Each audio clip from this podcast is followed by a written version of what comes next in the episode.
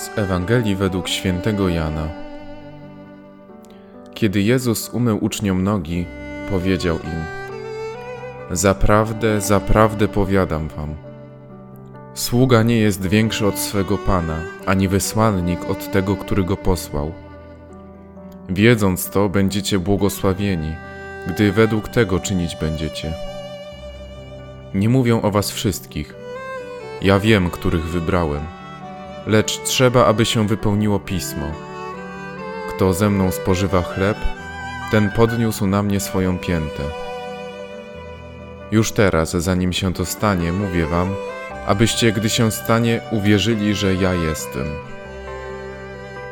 Zaprawdę, zaprawdę powiadam wam, kto przyjmuje tego, którego ja poślę, mnie przyjmuje, a kto mnie przyjmuje, Przyjmuję tego, który mnie posłał.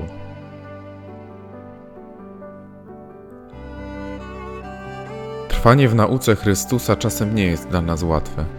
Wiele nie rozumiemy, ale to właśnie może być tym elementem, który da nam szansę na prawdziwe zaufanie Bogu. Początek fragmentu Ewangelii na dzisiejszy dzień dostarcza nam ukryty element pokory. Sługa nie jest większy od swego Pana. Jest to chyba dobry moment, aby zastanowić się nad własną postawą pokory. Czy nasze spotkanie z Panem charakteryzuje się pokorą?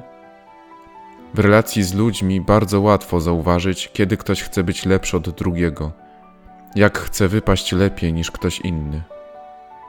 Takie postawy nie wniosą jednak nic, jeśli będziemy chcieli w taki sposób podejść do modlitwy. W bliskości z Bogiem Musimy w pokorze być świadomi naszej ułomności. Jednocześnie pełni ufności dążyć do prawdziwej miłości z Nim. Mistrzyni życia duchowego, święta siostra Faustyna mówi, że piękna jest dusza pokorna, czego niezmierzonym wzorem dla nas jest Matka Najświętsza. Maryja, pokorna Matka Boga, podczas zwiastowania mówi do zwiastuna właśnie o swojej ofiarnej służbie – Oto ja, służebnica Pańska. Pokorne przyjęcie wybrania Bożego daje jej możliwość pokazania swojej cnoty przez całe jej życie. Dzięki temu otwiera się na drogę wiary, a ta z kolei zapoczątkowała przed nią drogę do nieba. Papież Franciszek nazywa Maryję niewiastą pokory. To w niej możemy szukać niezawodnego wzoru pokory. Próbując posiąść tę cnotę, możemy budować swoją postawę prawdziwego spotkania z Bogiem. Miesiąc maj, w którym szczególnie zwracamy się do Matki Bożej, może stać się dla nas okazją, abyśmy właśnie za jej wstawiennictwem stawali się godnymi obietnic Chrystusowych.